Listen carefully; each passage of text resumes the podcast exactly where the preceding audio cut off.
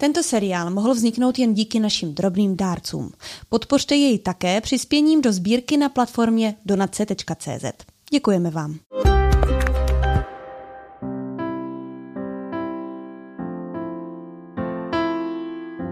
Církev v ložnici, podcastová série o antikoncepci v katolické církvi.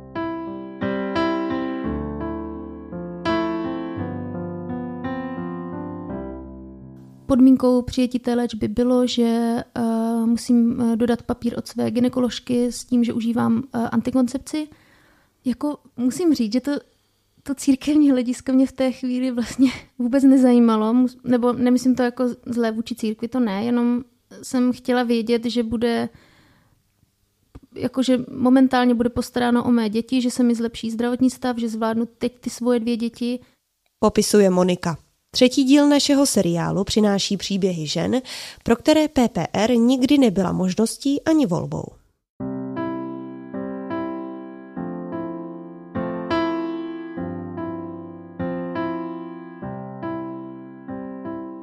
Co když už žádné další dítě mít nemůžeme anebo nechceme? Svůj příběh s námi budou sdílet Monika a Lucie. Cítili v sobě ve vztahu ke své víře nějaký konflikt? Proč je téma antikoncepce pro někoho bolestivým tématem a někdo se tím vůbec netrápí? Zazní také opět pohledy odborníků.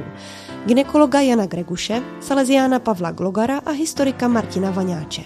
I z takového jako poměrně unikátního průzkumu poměrně jasně se jako ukázalo, že humánné víte se v katolických kruzích, katolických manželství prostě nevyužívá. Jak to tedy s tou antikoncepcí u katolíků je? I o tom bude závěrečný díl série Církev v ložnici. Dobrý poslech přeje Alžběta Havlová.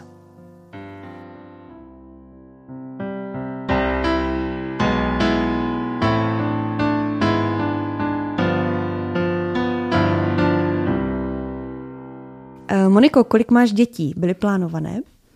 Ano, děti byly obě plánované. Mám dvě děti ve věku dvou a čtyř let. Co jsi věděla o antikoncepci v katolické církvi dříve? Vzpomínáš si na to?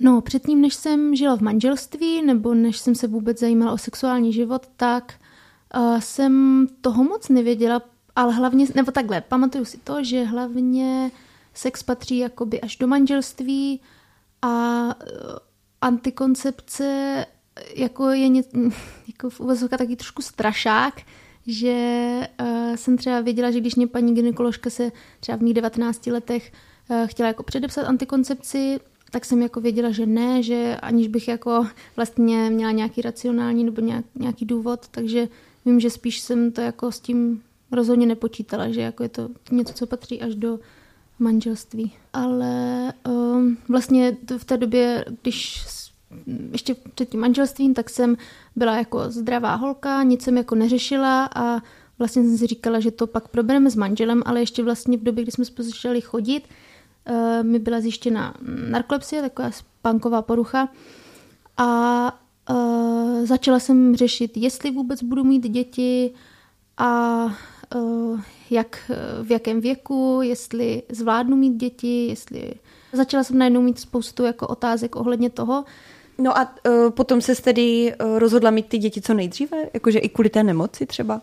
Ano, ta nemoc totiž je uh, posledních třeba, nebo v době internetu začala být samozřejmě uh, mnohem více takových těch sdílených skupin a navzájem si jakoby narkoleptici mohli propojovat a ty ženy, které uh, plánovaly těhotenství jako narkoleptičky, tak si sdíleli vlastně svoje informace od svých doktorů, ale zároveň jak, jak kdyby samotný doktor, můj pan neurolog, si nebyl jistý, jak to bude, jestli um, zvládnu mít víc dětí nebo nezvládnu, s tím, že mi jen řekl takovou důležitou informaci, že po, tři, po třicítce, po té, teď mi 28, tak uh, ta nemoc se bude zhoršovat, budu míň uh, schopná uh, zapojovat se do sociálního života i pracovního a tož byla jako pro mě jako docela velký impuls, abych děti měla brzo. Mm-hmm. No a teď tedy by si už jakoby přála mít ještě další dítě, nebo je to, já, je to já, osobně, já osobně bych, uh, nebo vždycky jsem chtěla mít hodně dětí, ale um, bohužel to není vůbec možné, protože už teď péče o dvě děti s tou diagnózou je komplikované. Musí mi pomáhat moje máma i táta, hodně se zapojovat manžel a teď třetí dítě by bylo velmi... Mm, jako, podle mě by to bylo velmi nezodpovědné mít dítě, o které se člověk nemůže kvůli zdravotním komplikacím starat. Takže uh, to je jako jedna část a druhá část, proč vlastně další děti mít ani jako nebudeme, nebo samozřejmě nikdy nevím, ale že vlastně pan doktor mi po asi osmi letech uh, vlastně, co k němu jako docházím, tak mi nabídl léčbu, protože ta nemoc není jako kompletně vyléčitelná, ale mohou se zmírňovat ty symptomy. A vlastně kvůli těhotenství a kojení jsem nemohla žádné léky přijímat, jen jsem dodržovala nějakou spánkovou hygienu. A podmínkou přijetí té léčby bylo, že uh, musím uh, dodat papír od své ginekoložky s tím, že užívám uh, antikoncepci. A když jsem se zeptala například, jestli nějaká přerušovaná soulož nebo kondom jako platí je stejně jako, tak on řekl ne, že rozhodně ne, že uh, ty léky jsou natolik um, nebezpečné pro potenciální plod nebo pro uh, možnost, že by jako způsobil potrat, že uh, bych mě ho nemohl předepsat, což pro mě by znamenalo, že se uh, mi nezlepší zdravotní stav a moje děti jsou dost malé, takže já jsem určitě tu léčbu jako potřebovala, nebo jako už jsem se na těšila. A pomáhá, jakoby, jak to teďka aktuálně vypadá, ten tvůj stav, jak je to je vlastně uh, zvládat dvě děti, že sama říkáš, že třeba třetí by bylo hodně náročné, tak aby si člověk dokázal představit, jak vlastně, co ta nemoc jako obnáší v každodenním hmm. životě.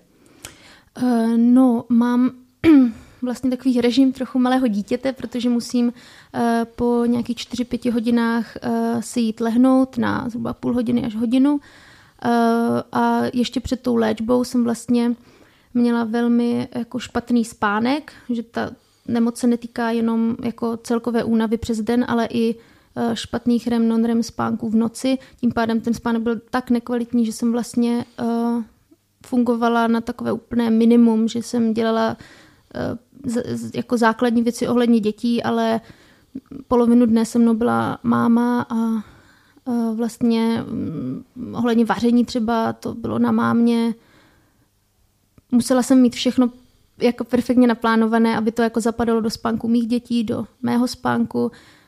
Často jsem nemohla ani být eh, do obchodu si něco koupit, musel tam být vždycky někdo, kdo jako zajišťoval spoustu věcí okolo těch dětí, takže myslím si, že to jako zvládáme jako rodina, ale uh, tím, že už moji rodiče mají skoro 70, tak přeci jenom je to zodpovědnost eh, moje mít ty děti a ne jejich, že jo. Takže um, už, už po prvním porodu jsem si uvědomila, že to není, uh, že, jako, že péče o děti je velmi jako náročná. Uh-huh. Um, jak se vlastně cítila, když jsi, uh, musela, když jsi musela začít brát tu hormonální antikoncepci? Když jsi zjistila, že to je vlastně podmínka skoro od toho doktora? Nebo úplně? Jako musím říct, že to, to církevní hledisko mě v té chvíli vlastně vůbec nezajímalo. Nebo nemyslím to jako zlé vůči církvi, to ne, jenom jsem chtěla vědět, že bude jakože momentálně bude postaráno o mé děti, že se mi zlepší zdravotní stav, že zvládnu teď ty svoje dvě děti, že nezabráním žádnému uh, potrat, eh, že vlastně nespůsobím potrat dítěte kvůli to, té léčbě, která uh, mě opravdu jako teďka jako pomáhá, že díky ním mám mnohem kvalitnější spánek. Takže vlastně já si, jako to zdravotní hledisko je vlastně v tom životě tak důležitý, že to jako převažuje nad, jako pro mě teď nad nějaký, jako, nějakým učením církve, i když jako v něčem jako tomu rozumím, ale zároveň pro mě individuálně teď vůbec není jako nějaké přirozené plánované rodičovství vůbec jako možné. Jak se cítíš ohledně toho, že vlastně na tebe církev nemyslela jako na nemocného člověka, který vlastně nemůže dodržet všechno, co... Asi, asi si necítím, že na mě nemyslela, ale že si jako myslím, eh, že co ty děti, že jo, eh, že co ty děti, o které, eh, které se narodí, i když jako chtěně, ale když se o ně ty rodiče nemůžou postarat, tak mně nepřijde to vůbec jako zodpovědný krok. Prostě já vědomě chci děti, ale nemůžu je mít, nemůžu se o ně starat o, jako o více než teď už co počet mám, tak eh, je pro mě jako logické i jako to mám morálně vyřešené, že prostě ty děti eh, nechci přivést na svět, když se o ně nemůžu postarat a když je jim, můžu způsobit uh, užíváním některé, nějakého léku jako potíže, tak nepřipadám si nějak ublíženě, ale uh, na tyhle otázky mě zatím jako nikdo neodpověděl z církve. No. A chtěla bys třeba, aby se to změnilo uh, v té církvi, že by na to právě jako by bylo myšleno?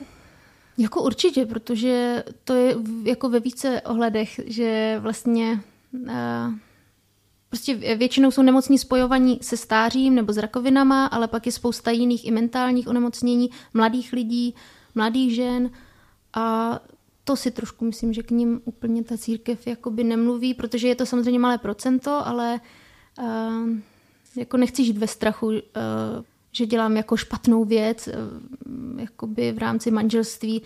Užíváním hormonální antikoncepce. Uži, přesně, užíváním hormonální antikoncepce. A máš nějaký strach? Jsou tam nějaké i negativní emoce ohledně toho? Třeba dejme tomu, když jdeš ke zpovědi nebo hm, když se účastníš těch hm, svátostí třeba. Ne, musím říct, že, že jako náma po těch osmi letech, co jako ta nemoc jako nebyla vůbec nějak léčená, tak jsem tak šťastná, že můžu jako nějak normálně víc fungovat, že vlastně to, že do toho beru hormonální antikoncepci, mně přijde jako rozhodně nezanedbatelná složka, ale jako nedokážu se za to vinit, jo? že vlastně já jsem si to nějak... A řekl ti to někdy někdo, třeba v církvi, že to není dobře? Setkala, setkala se třeba s nějakým necitlivým přístupem od nějakého kněze?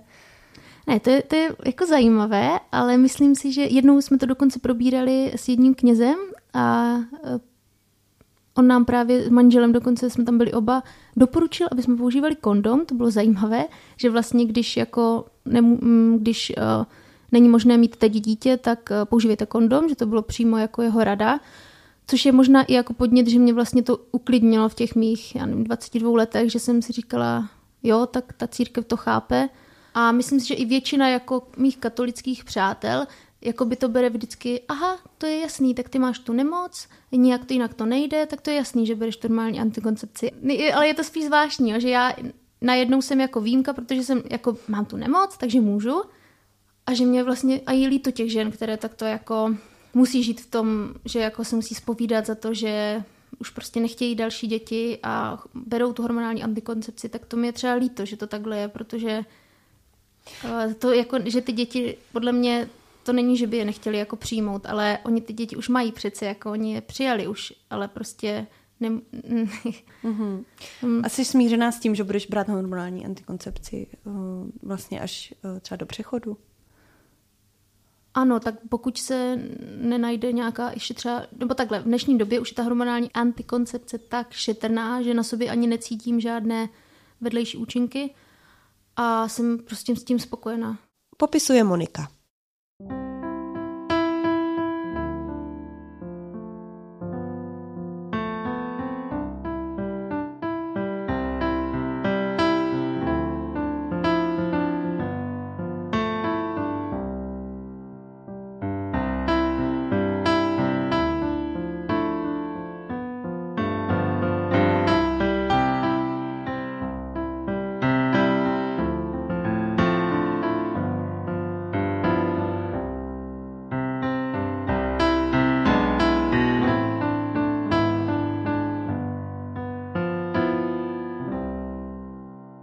Jak celé téma vnímají kněží, kteří by měli na jednu stranu zastávat stanovisko církve, ale ze své praxe mohou vidět, že je často potřeba jiný přístup. I na to jsme se zeptali Salesiána a kněze Pavla Glogara. Vy sám chápete, proč ta církev vlastně eh, povoluje podle encykliky Humané víte pouze eh, to přirozené plánované rodičovství, tedy počítání plodných neplodných dnů? Tak ono by to mělo umožnit aby to byl vlastně, jakoby, jo, aby to bylo opravdu společné, to, to eh, přijetí života nebo, nebo prostě ta, to plánování rodičovství, aby to bylo na obou, těch manželích pak rodičích, že ale to je ideál, no, prostě. Eh, opravdu ta zkušenost mi říká, že to je pak často na té ženě jenom a a, a takže to, to pak je pro ně prostě další eh, břemeno, které na ní nakládáme jenom jakože a myslím, že to není prostě poctivé, abychom my celý bátníci nakládali taková břemena na ty, kdo, kdo to pak musí nést a my se toho nedotkneme ani prstem, tak jak se to, vlastně jsme to slyšeli nedávno v neděli v Evangeliu. Um, a teď, teď myslíte přímo tu, to počítání těch dnů a psaní si všeho? Ano, tak. no, protože mm-hmm. Já myslím, že to, to jde, když, když je nějak jako všechno v harmonii, jenomže, eh, jenomže i to, myslím si, ne, neplatí úplně, aspoň tak kolikrát slyším tu odpověď, v tom praktickém životě, v tom všem, co ta žena žije, prožívá, co všechno musí nést, tak, tak ani to prostě ne, no, Eh, spíš je to opravdu v ideálním případě, že se to dá tak sledovat a počítat si ty dny a tak. Vy sám jak vnímáte to, že vlastně, ehm, když k vám přicházejí třeba ženy, které se stresují tím, že třeba chtějí mm, užívat nějakou antikoncepci, hmm. tak jak vnímáte to, že vy, vy stojíte za tím, že ta církev uh, nařizuje pouze jednu tu formu, to přirozené plánované rodičovství. Jak se vám s tím vlastně v uvozovkách pracuje? Chtěl byste třeba nějakou změnu tady v téhle oblasti? Když by byla, asi by to bylo ku prospěchu věci. Um, uvědomuji si, že s tím já jakoby nepohnu s, nějakým takovým úplně eh, zásadním uh, řešením toho všeho. Uh, ta situace, jaká je, tak, tak mi umožňuje vlastně, nebo vede k tomu, abych abych eh, znova, už jsem to tady řekl, nějak tak byl byl vstřícný a, a, a, a chápající a tak. Pomohlo by mi asi, když by to bylo, kdybych věděl, že to je prostě jako obecné stanovisko vyjádřené i nějakým dokumentem. Ale i když to tak není, tak já myslím, že fakt současný papež a nejen, že se vyjádřují tak docela jasně k tomu, jak se k tomu mám postavit a že, že to nějak nezatěžuje moje svědomí, že bych jednal proti tomu, jak se to přeje církev. Říká kněz Pavel Glogar. Je v církvi na obzoru nějaká šance na změnu? Otázka na teologa a historika z Evangelické teologické fakulty Martina Vaňáče jak to vlastně teda bude do budoucna, jestli jsou v tomhle nějaké tendence v církvi, se to třeba, aby se to změnilo, nebo se bude dál navazovat na to, co vlastně už dlouho takhle funguje. Jasně. Tak... Nejsem futurolog, jsem historik, ale ta nedávná historie to může ukázat, že když byla že Tady je dobré vnímat, že církev se věnuje jako rodině a myslím si, že za pozitivum vnímám, že ten obnovený důraz na rodinu za papeže eh, Františka Eh, právě nesklouzává k té koncentraci na ten, ten problematický bod, jakože se nesoustředí jenom na otázku sexuality a, a, a kontroly početí, věda jde dál, eh, rozvoje různé jdou dál. A bylo zajímavé, že když byla svolávána synoda o rodině, že tak byl rozesílán, myslím, že to bylo 39 otázek, takový jako dotazník. A i z takového jako poměrně unikátního průzkumu vyšlo najevo, já teda nevím, jestli to bylo zveřejněno nějak v celku, jednotlivé biskupské konference to nějak jako jsem tam zveřejnili, ale nevím, jestli to bylo zveřejněno v celku, ale poměrně jasně se jako ukázalo, že humánné víte se v katolických kruzích, katolických manželství prostě nevyužívá. Není ani moc známo, případně se jako nevyužívá. Ten eh, průvodní takový to instrumentum laboris, teda takový ten přípravný dokument eh, před synodou, co se vždycky jako vydává, tak o rodině, tak konstatoval, že odpovědi na otázky týkající se znalosti církevní nauky a otevřenosti, o otevřenosti manželů pro život se zvláštním důrazem na encykliku Humáné víte, realisticky popisují skutečnost, že encyklika není ve velké většině případů známá ze své pozitivní stránky. Je vnímána jako vněšování do intimního života dvojice a jako omezování autonomie svědomí. Jo. Ale zase tady vidíme, že eh, jako důvod tady mm, eh, Důvod, proč tomu tak je, je tady zmiňován, že to je, že jsou mnozí lidé ponořeni do silně sekularizované a technicistní kultury. Jo? Že to je jako zase v protikladu s tou kulturou.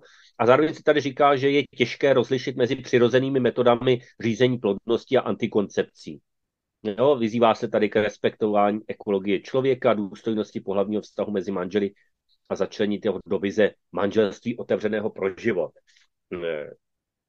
zmiňuje se tam taky, že ten aspekt, který se potom dál rozvinul, nebyl ani tak o té přirozenosti, ale že se třeba sledovalo, jestli ty prostředky, které se používají, jsou potratový nebo nejsou potratový, jo? že to, to se tady jako konstatuje, že to je takové hledisko, které se v pozdější praxi jako rozšířilo pro posuzování vhodnosti hm, těchto z těch metod. No a potom, když se koukneme do Amoris Leticia, dubna 2016 papeže Františka, vlastně ta apoštolská exhortace, která schrnuje jednání těch dvou synod věnovaných rodině, tak tady se říká, že zase je třeba znovu objevit poselství encykliky Humáné víte, která podtrhuje potřebu respektovat důstojnost osoby při morálním hodnocení metod regulace porodnosti. Je to dáno zase do dobového kontextu, protože tohle to není nikdy jako ve vzduchoprázdnu a navazuje to tady na to, že, že synodní otcové konstatovali, že, je, že se šíří mentalita, která plození života redukuje na proměnou závislou na plánech jedince nebo páru. Jo. A je to, já, já to považuji za osobně jako velmi, velmi složitou záležitost. Jo. Je to, jako říkám, dívám se na to jako historik, nejsem morální teolog, ale jako kdo může posoudit, eh, kolik dětí je těch jako přiměřených, jo? kolik dětí mm, je výraz sobectví a kolik dětí jako je mm, ten správný počet, který eh, ty lidé mohou mít. Jo? Podle jakých kritérií se tohle to bude rozhodovat. Jo? Je, je pravda, že i sám vnímám občas takovou trošku jako kritiku, nebo kritiku, takové jako napětí v tom, když se říká, že si lidi jako, jestli si pořídí dítě nebo nepořídí, že to je občas vnímaný jako, jestli pořídí dům nebo auto, jo, že to je, že, že vnímám, že to může zbuzovat potom takové jako úvahy, jest, jestli je to jako srovnatelná nějaká nároková položka, kterou si pořídím nebo nepořídím, jo, je to prostě v tomhle složitý, ale myslím si, že třeba to, jak to má Amoris Leticia, byť, byť tam jako vlastně píše o znovu objevení humáné víte, tedy jako nic na něm nemění, jenom tam jako zdůrazňuje jiný třeba aspekt, tak eh, mně, mně přijde jako relativně sympatické. Tam, pardon, ještě je tam teda ocenění početných rodin, které jsou pro církev, se píše radostí, v nich láska eh, vyjadřuje svoji velkorysou plodnost. Eh, tam už je i řečeno, ale že to odpovědné rodičovství neznamená to neomezené plození, jak už jsem citoval z, Jana Pavla II. Ale líbí se mi, že je tady vlastně, že se tady i mluví o tom, tady třeba láska v těhotenství očekávání, jo, a to je právě, pardon, že přeskakuju, jo, ale ten aspekt vůbec to amoris leticia, což znamená radost z lásky, jo, tam zdůrazňuje ten primát lásky, který si jako strašně těžko poměřuje když ho chcete kvantifikovat, jak, jak chcete převést jako lásku na počet dětí.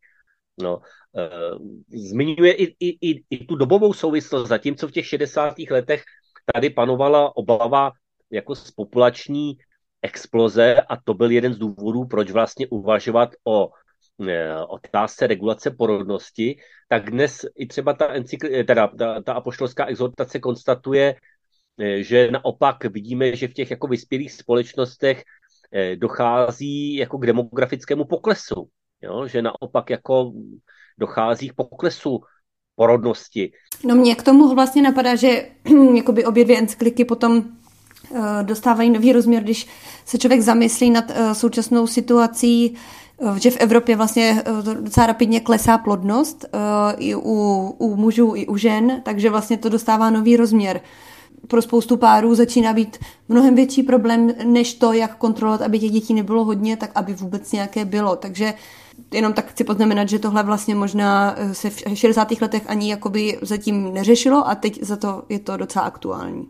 A tam je celá vlastně jako řada, řada věcí, hm, já se vůbec nechci pouštět o vhodnosti, nevhodnosti hormonální antikoncepce a různých jako prostředcích, případně jak to ovlivňuje i životní prostředí, jako další věci. Jo? Že mně, tam přijde, že mm, ten pokrok ve vědách je vždycky jako dost napřed a ta role církve mi přijde jako, že bývá přirozeně taková jako brzdící a upozorňující, že ne všechno, co můžeme, je správné jako dělat. Otázkou je, jak se to potom jako dotáhne do detailu. Samozřejmě v té katolické církvi nemůžeme si nevšimnout toho aspektu, eh, který působí zvláštně, když se k jakékoliv podobě sexuality manželů vyjadřují vlastně celibátní žijící muži. muži. Jo, že to je taky aspekt, který to staví do jiné, do jiné jako role. Ale myslím si, že tak, jak vyznívá Amoris Leticia v těch otázkách jako výzvy k tomu, aby manželé jako vnímali eh, a byli otevřený, eh, aby tu svoji lásku projevovali i tou otevřeností k novému životu a tady je, tam už se i zmiňuje i nejenom to plození dětí, ale třeba i přijímání dětí v pěstounských rodinách a další věci. Jo? Že, že tady to, že si myslím, že jako je docela důležitý aspekt. Vnímám to, aspoň takhle na mě jako Amoris Leticia působí, že to víc jako vztahuje na rozhodování těch jako jednotlivců a spíš na jako odpovědný přístup těch samotných rodičů, to než aby jim to ten to magisterium určoval. Ostatně jenom hm, jako všimněte si, že ta debata se taky posouvá opravdu jinam, že eh, debata nad Amoris Leticia se spíš týká vztahu rozvedených a znovu sezdaných, to je ten jako zásadní problém a jejich možnosti třeba účasti na životě církve, včetně přijímání Eucharistie, že je pokud vím diskutováno mnohem obsáhlej, než by se řešily otázky způsobu regulace porodnosti. Jak jsem říkal, tam v tomhle tom si myslím, že i samotný učitelský úřad eh, jako vnímal eh, na základě těch zjišťování, že prostě tohle nerezonuje eh, mezi věřícími a že prostě věřící se rozhodují jako podle své situace a podle svých možností, ale tak se tam jako tak opatrně říká, že je na tohle to potřeba taky myslet, ale už se to jako nedělá z toho ten jako nejdůležitější požadavek na život manželů.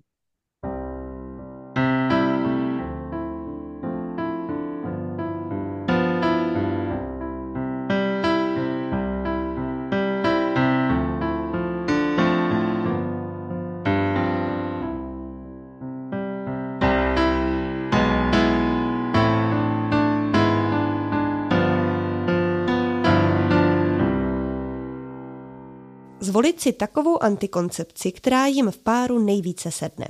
Takhle přemýšlí Lucie, lékařka a maminka dvou dětí. Její uvažování mezi katolíky není výjimkou, alespoň podle dříve zmíněného výzkumu a slov historika Martina Vaňáče.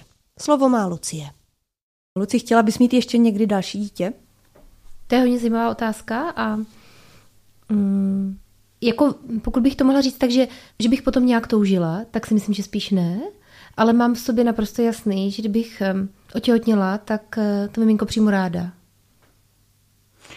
Eh, ty jsi vyrůstala v katolické rodině? Uh-huh, jak, ano. Se, jak se u vás třeba mluvilo o antikoncepci? Mm, nemluvilo. Uh-huh.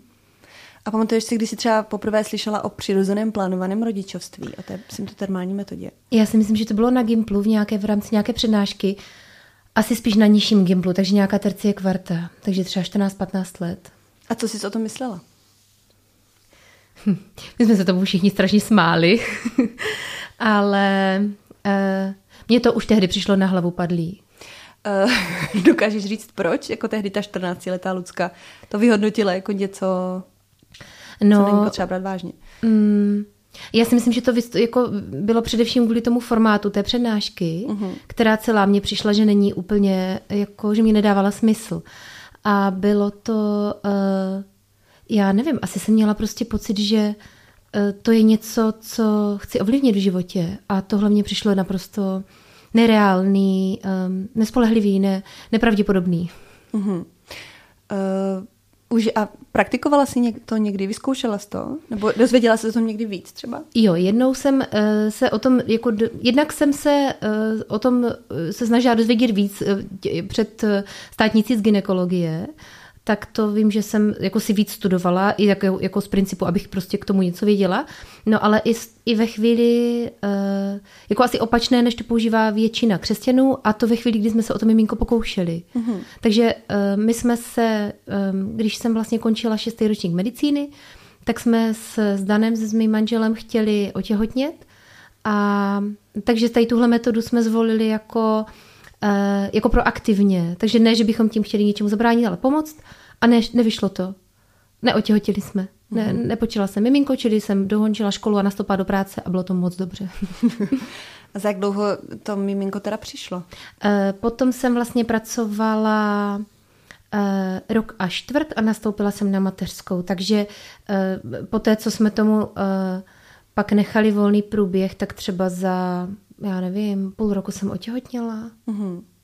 Takže vlastně spíš než počítání těch dnů vám dalo víc jako k tomu otěhotnění právě to, že jste tomu nechali ten volný no, průběh určitě, bez jakéhokoliv sledování. Určitě jo.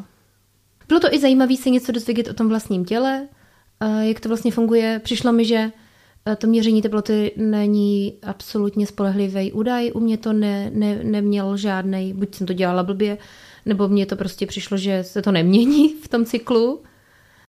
A takže se na to vlastně nedalo nijak spolíhat. A tak jako ve chvíli, kdy ten pohlavní styk byl, tak tak to vlastně stejně bylo asi dost náhodně, že těžko říct, jestli to odpovídá. Jako mnohem, mnohem, jako podle mě pravděpodobnější je se uh, řídit s tím datem menstruace, že člověk mm. prostě je v polovině cyklu, máš ovulaci a, a, a to je celý. To mně přišlo, že to dává. A tak to nakonec vlastně bylo, když, jsme, když jsem otěhotněla.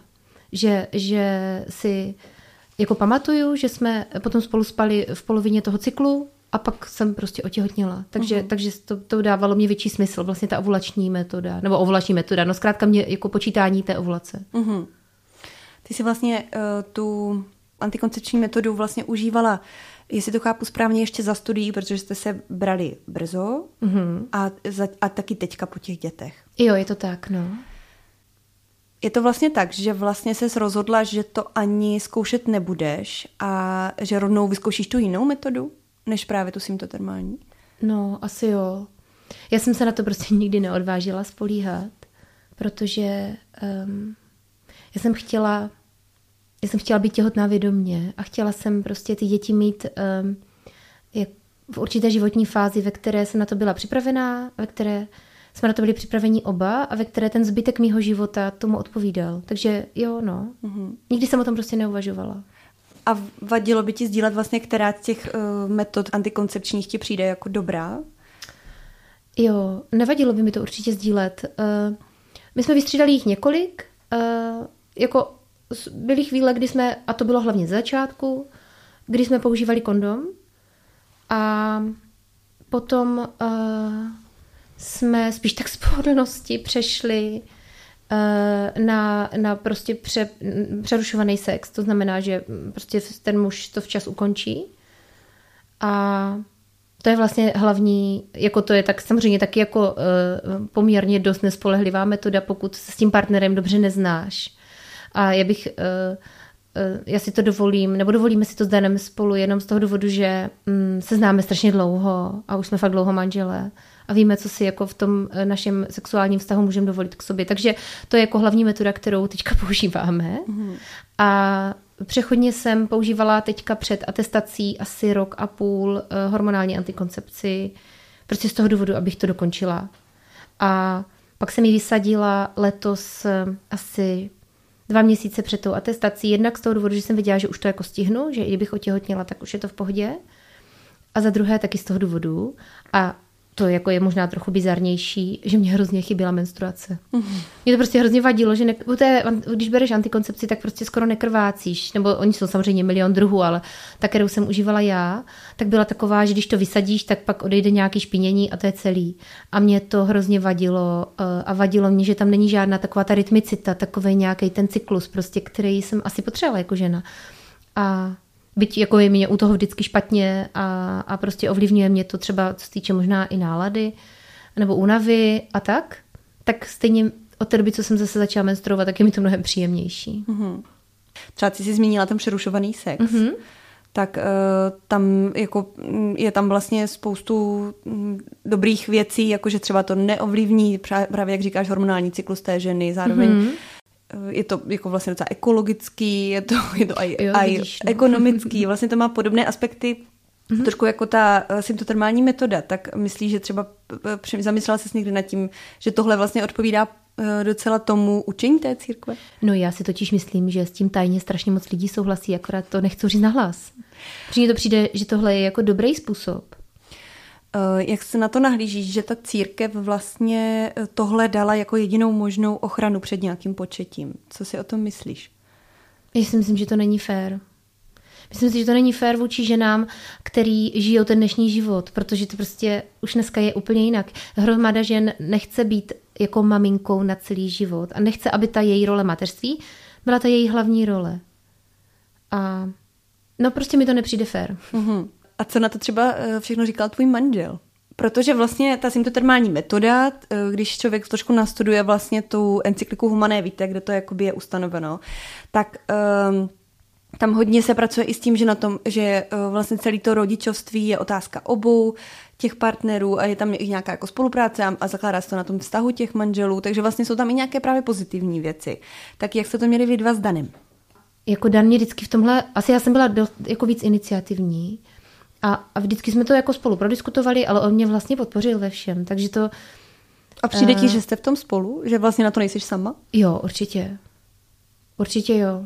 Že to jako není tak, že já bych byla ta, která to všechno musí organizovat a řídit a hlavně tomu zabránit, ale že je to jako rozhodnutí nás obou. My, my jsme o tom, jestli chceme nebo nechceme mít další děti, mluvili mnohokrát a vždycky jsme se zhodli na stejný, na stejným výsledku.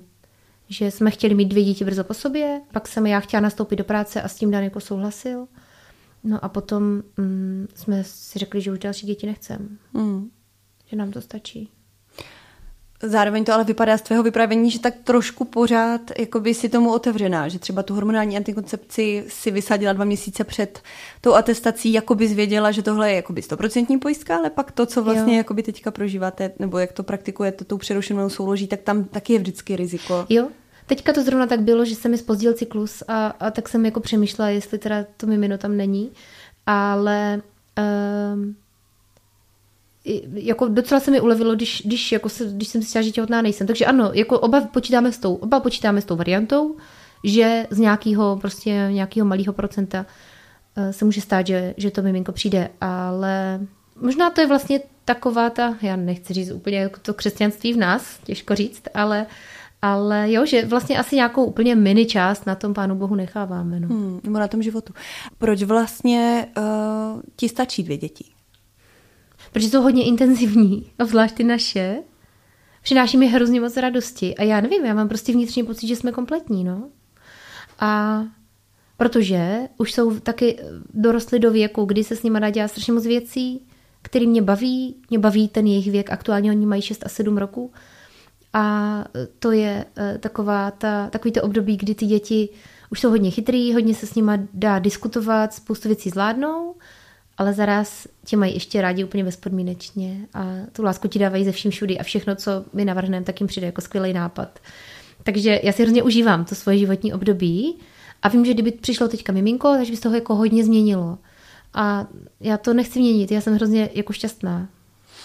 Podle nějakého výzkumu, který teďka proběhl v rámci té synody, to vypadá, že vlastně spoustu těch mm, i praktikujících katolíků a manželských párů vlastně tu nějaký to doporučení nebo nařízení církve ohledně té symptotermální metody nebere vážně. Mm. Vnímáš to tak i ve svém okolí? Myslím si, že jo, že ve většině případů ano. Poklidňuje tě to, že vlastně jakoby nejsi úplně výjimka v tom? Asi do jisté míry jo. Měla jsi někdy nějakou negativní uh, zkušenost vlastně uh, ze strany církve nebo kněze, když jsi třeba šla ke zpovědi a říkala to tam, říkáš to tam? Já si myslím, že jsem tam asi úplně nerozvíjela způsob, jakým jak vypadá můj sexuální život, takže vlastně nemám.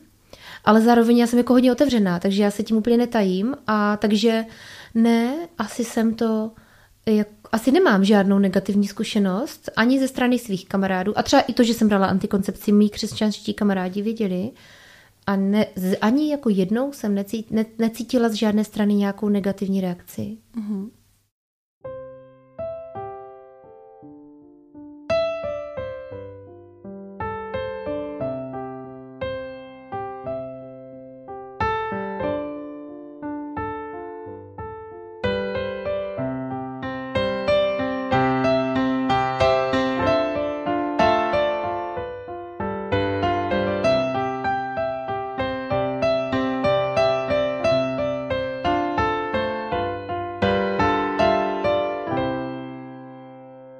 Že je potřeba, aby církev a odborná ginekologická společnost více komunikovali, míní Jan Grekuš, sekretář sekce pro antikoncepci a reprodukční zdraví České ginekologické a porodnické společnosti Jana Evangelisty Purkyně.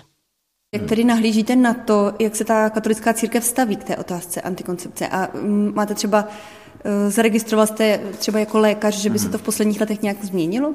Mm-hmm. No, já jsem se tou problematikou postoje katolické církve k antikoncepci zabýval dlouhodobě. Pročetl jsem ty encykliky, počínaje tou vlastně eh, Humane Vitae, až k Amoris Laetitia, která byla z roku 2016. Jestli katolická církev eh, vydala nějakou další uh, encykliku nebo podobně, to si nejsem vědom, ale v podstatě ten názor, jak kdyby je tam pořád stejný. No. A jako na tu vaši otázku, já se domnívám, že ten postoj katolické církve v této konkrétní věci není správný. A opakovaně jsem o tom přednášel i na mezinárodních gynekologických konferencích, kde jsem hovořil o tom, že by gynekologické odborné společnosti měly sami iniciovat dialog s katolickou církví k otevření diskuze ke zvážení pohledu na antikoncepci. Ať už ve smyslu schválení některých metod, nebo pro některé skupiny e, populace. Řekněme například pro páry, které jsou úvodem, pro páry, které jsou sezdané, které žijí, řekněme, v řádném křesťanském svazku a které již mají splněné svoje reprodukční plány. Mm-hmm. Jo, v tomto případě si myslím, že jako toto je z mého hlediska e, místo, kde by ten dialog mohl začít. A ještě úplně závěrem bych tady k tomu řekl, že to, co máme tady v té problematice, řekněme, ginekologie, je to, že na jedné straně máme konzervativní až ultrakonzervativní skupinu nebo skupiny, na druhé straně máme liberální až ultraliberální skupiny a mezi nimi je, řekněme, pytel sexuálního a reprodukčního zdraví.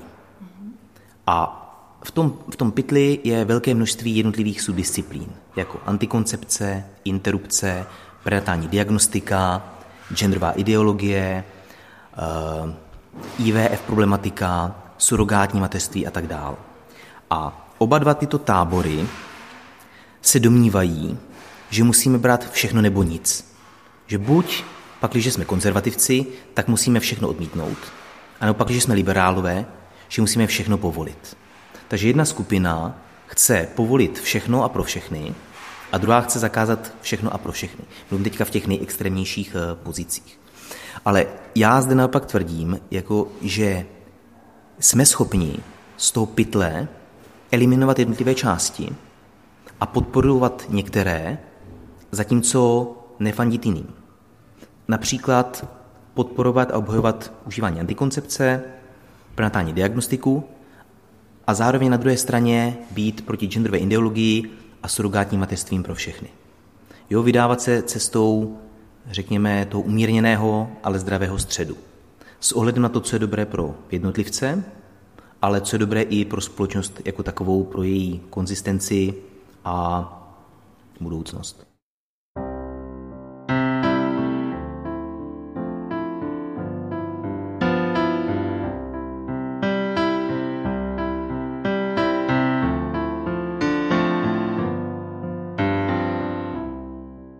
Se zaměříme na jednotlivé druhy antikoncepce, pro katolíky může být zásadní, aby ta daná antikoncepce nebyla abortivní. Můžete třeba výjmenovat, které uh, mají takový charakter, které jsou abortivní, které naopak nejsou? Mm-hmm. Někteří věřící, ať už uh, katolického vyznání nebo jiného, například ortodoxního, uh, vnímají, že některé typy antikoncepce mohou mít abortivní charakter. Většinou e, toto uvádí u nitroděložních tělísek. E, na toto bych odpověděl e, tak, že tělíska nitroděložní dělíme do dvou typů. Sice hormonální a nehormonální. Oba dva typy těch tělísek mají jiný mechanismus účinku a já bych se jim nyní chvíli věnoval. Ta hormonální mají takový účinek, že jsou zavedené do děložní a uvolňují v nízkých systémových expozicích hormon, který působí pouze lokálně a ten mechanismus účinku toho hormonálního tělíska je takový, že především zahušťují hlen v cervikálním kanálu. To znamená, že laicky řečeno ucpou čípek, takže spermie nemohou se dostat do dutiny děložní, tedy nedochází k oplodnění ani zabránění uhnízdění oplodněného vejce, ani e, tím pádem nemůže dojít k, řekněme, potratu. Takže ta hormonální antikoncepce nebo ta, ta, to hormonální tělísko rozhodně abortivní účinek nemá a nemůže mít. Takže z tohohle hlediska je hormonální trojděložní tělísko pro katolické ženy ideálním typem antikoncepce, protože možnost toho abortivního účinku je v podstatě eliminována. Co se týče toho nehormonálního, tam je to trošičku složitější, protože zde máme e, problém v terminologii. V terminologii medicínské a legislativní a řekněme v terminologii náboženské. Protože kdy je něco antikoncepce abortivní? V případě legislativy a v případě medicíny se o potrat jedná až tehdy, pakliže dojde k oplodní, máme to oplodněné vejce, které se musí zahnízdit ve stěně děložní.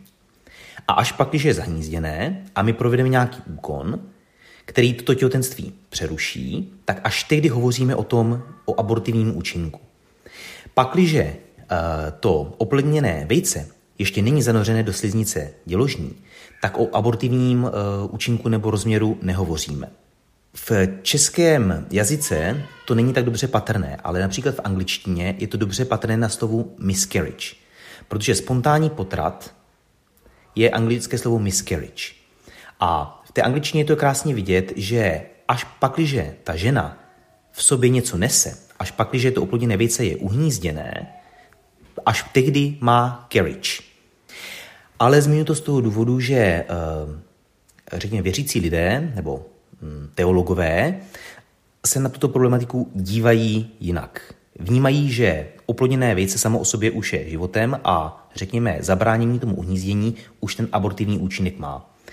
A s tímto ohledem to nehormonální tělísko, ono pracuje na jiné mechanismu. Ono pracuje tak, že vyvolává asetický zánět dutiny děložní, jednak e, díky tomuto asetickému zánětu zabíjí spermie, ale může se stát, že některá spermie postoupí dále, oplodní to vejce a tam přichází k roli ten druhý účinek. A to znamená, že brání ta, to tělísko jednak svou přítomností, jednak tím asetickým zánětem tomu uhnízdění toho oplodněného vejce. Takže z té medicínské a legislativní perspektivy abortivní není, ale řekněme z toho teologického hlediska abortivní je a tím pádem to nehormonální tělísko by nebylo pro eh, věřící ženy vhodné. Mm-hmm. Ale rozhodně bych tedy řekl, že eh, je potřeba ta tělíska od sebe odlišovat a to hormonální rozhodně abortivní není. Mm-hmm. A to znamená, že žádné jiné antikoncepce abortivní nejsou? V podstatě ještě bychom mohli zmínit, která, by, která může mít ten abortivní účinek, tak je to ta postkoitální antikoncepce, ta emergentní. To znamená, to znamená postinor. Ano, dá se tak říct. Mm-hmm. Tato, tato antikoncepce může bránit právě tomu uh, zahnízdění toho oplozného vejce, takže tato u téhle o tom jsme schopni hovořit. Ale ty ostatní uh, ten abortivní rozměr nemají. A vy sám s ohledem na třeba uh, různá hlediska, hmm. uh, co byste doporučil jako nejlepší antikoncepci? Rozhodně bych uh, začal tím, jaký má žena reprodukční plán. Pak, když plánuje, řekněme, třeba do roku těhotnět, tak nemá smysl se uh, zabývat otázkou dlouhodobé antikoncepce. Pakliže chce těhotnět v delším horizontu, rok a víc, anebo pakliže chce i pod, v tom kratším, ale chce opravdu velmi spolehlivou antikoncepci, tak bych doporučoval právě ty typy té dlouhodobé antikoncepce. Z nich nejúčinnější, nejspolehlivější, nejbezpečnější jsou nitroděložní tělíska. Uh-huh. A tam už potom roz, je jedno v té kvalitě, jestli to je hormonální, anebo ten druhý, který teda říkáte, že má abortivní charakter. Tak uh, jestli je to stejně dobrý. Ne, ne, ne, rozhodně bych řekl, že to hormonální je lepší. To hormonální je rozhodně lepší z toho důvodu, že je ještě o něco více spolehlivější než to nehormonální, to je jedna věc. A dále potom má další pozitivní benefity, protože u toho nehormonálního výhodou, jedinou z mého hlediska, jedinou výhodou toho nehormonálního tělíska je cena.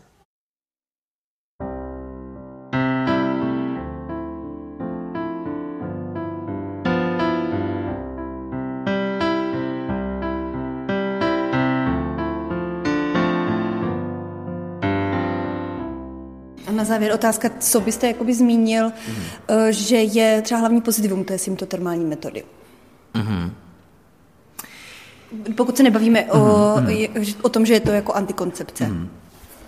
No já bych řekl, že jako každá antikoncepční metoda je lepší než žádná, pak když ten pár samozřejmě nechce otěhotnět. A e, i když my jako odborná gynekologická společnost tuto metodu nepovažujeme za tu spolehlivou, efektní, dále za to, že nemá další pozitivní uh, vedlejší účinky, jako ty jiné typy, jako třeba ochrana před uh, jednotlivými typy nádorů, vaječníků, sliznice dutiny děložní, kolorektálního karcinomu, že nechání před vznikem uh, cit vaječníků, endometriozou, myomy, tak vnímám to, že ačkoliv, nebo že uživatelé této metody, pak když ji praktikují, nebo i zastánci, stoupenci této metody, kteří propagují, stejně jako my, máme v podstatě stejný cíl, který ve svém důsledku je jeden, respektive dva. A jednak tím cílem je snížit počet umělých přerušení těhotenství. To je jedna věc. A druhá věc je to, aby děti byly chtěné.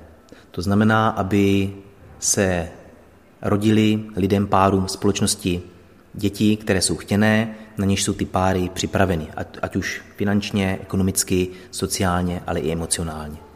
Takže pak, když někdo tuto metodu užívá a vede to k tomu, že potom má děti chtěné a že se sníží, jakkoliv se nám podaří snížit počet umělých přerušení těhotenství, tak samozřejmě je to krok správným směrem, etický krok.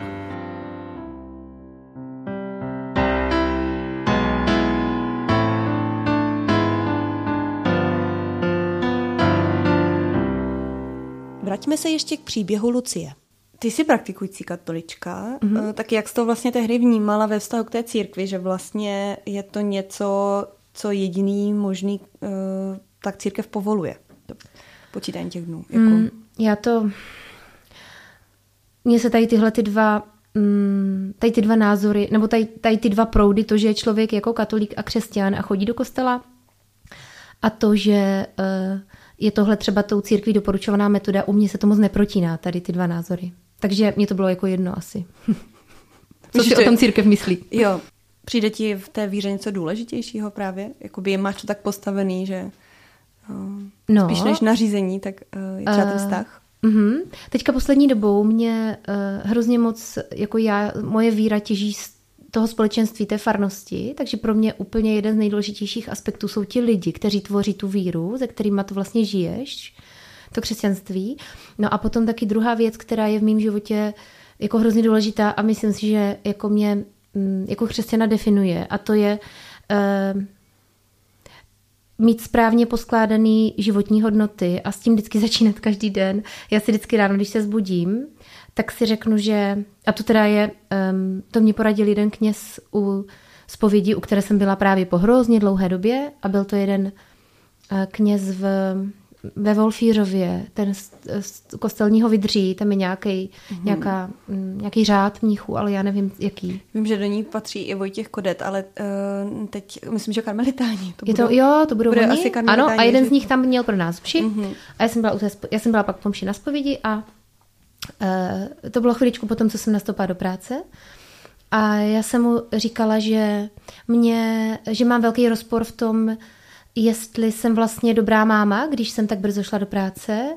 A zaraz mě vadí, že nevím, jestli jsem vlastně dobrý doktor, když tak uh, jako um, spíš myslím na tu rodinu a snažím se co nejdřív v té práci skončit a jít za těma dětma a tak.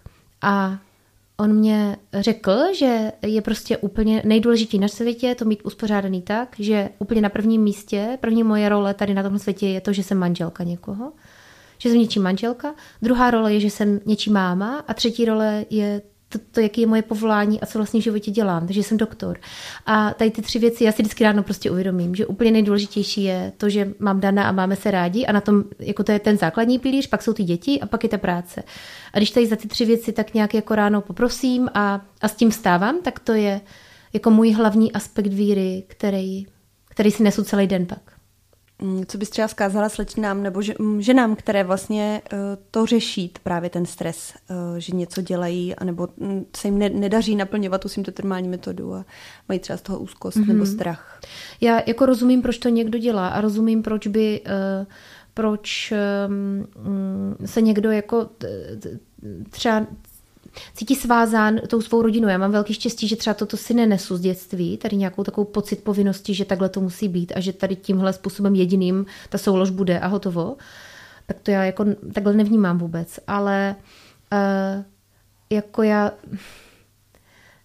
já si totiž jako nemám pocit, že bych dělala něco špatně a e, jako scházela bych jim, aby neměli pocit viny, protože už jenom to, že jako to, že do svého života chceš vnést nějaký řád a zodpovědnost, což já takhle vnímám, že takhle ten, ten sexuální život těch partnerů jako dvou pracujících lidí e, takhle vypadá, tak to přece není nic, čím bychom se vůči tomu Bohu provinili. Takže bych jim chtěla vzkázat, aby, aby se necítili viny, že to není jako, není to provinění proti lásce nebo proti rodině.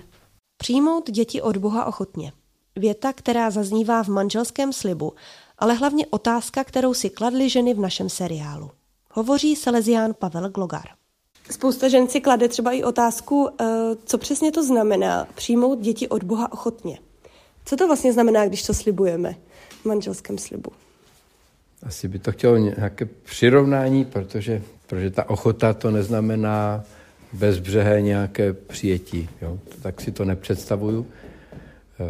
Jako máme ochotu třeba někomu pomoci, a, ale prostě to vždycky v rámci nějakých možností, které mám. E, jsem ochoten e, tam někomu pomoct třeba finančně, ale prostě moje prostředky jsou omezené. Tak jako příměřeně tomu, co můžu udělat, tak, tak udělám. A já myslím, že to je něco podobného tady v tomto, že ta ochota je právě s ohledem na rodinu, už kterou mám, zdraví dětí, vaše, prostě tak, jak to, jak to život přináší. Tak, tak s ohledem na ty všechny okolnosti toho života, tak, tak jsme otevření pro, pro třeba další život. Ale, ale je to vždycky spojeno s tím, s tou reálnou situací, ve které, ve které žiju.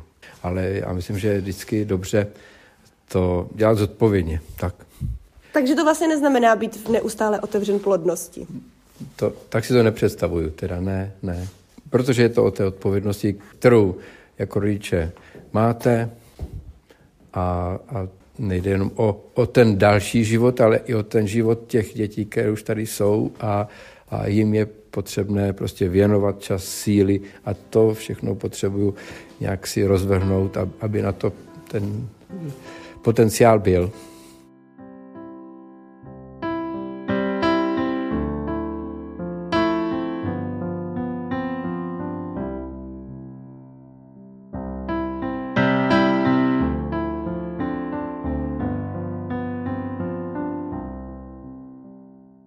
Slyšeli jste třídílný seriál Církev v ložnici o antikoncepci v katolické církvi.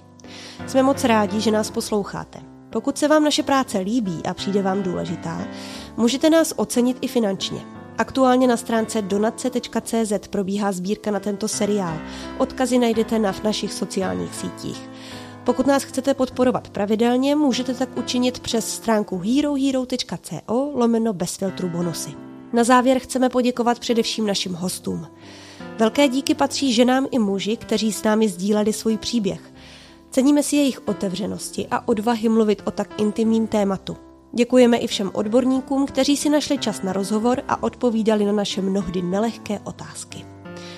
Seriál připravili redaktorky Marie Moreno a Alžběta Havlová. Editorsky vedla Hana Kašpárková. Zvukově upravil Antonín Kánský. Hudbu na motivy písně Čistá jak studánka zahrál Matěj Přikryl. Od mikrofonu se loučí Alžběta Havlová.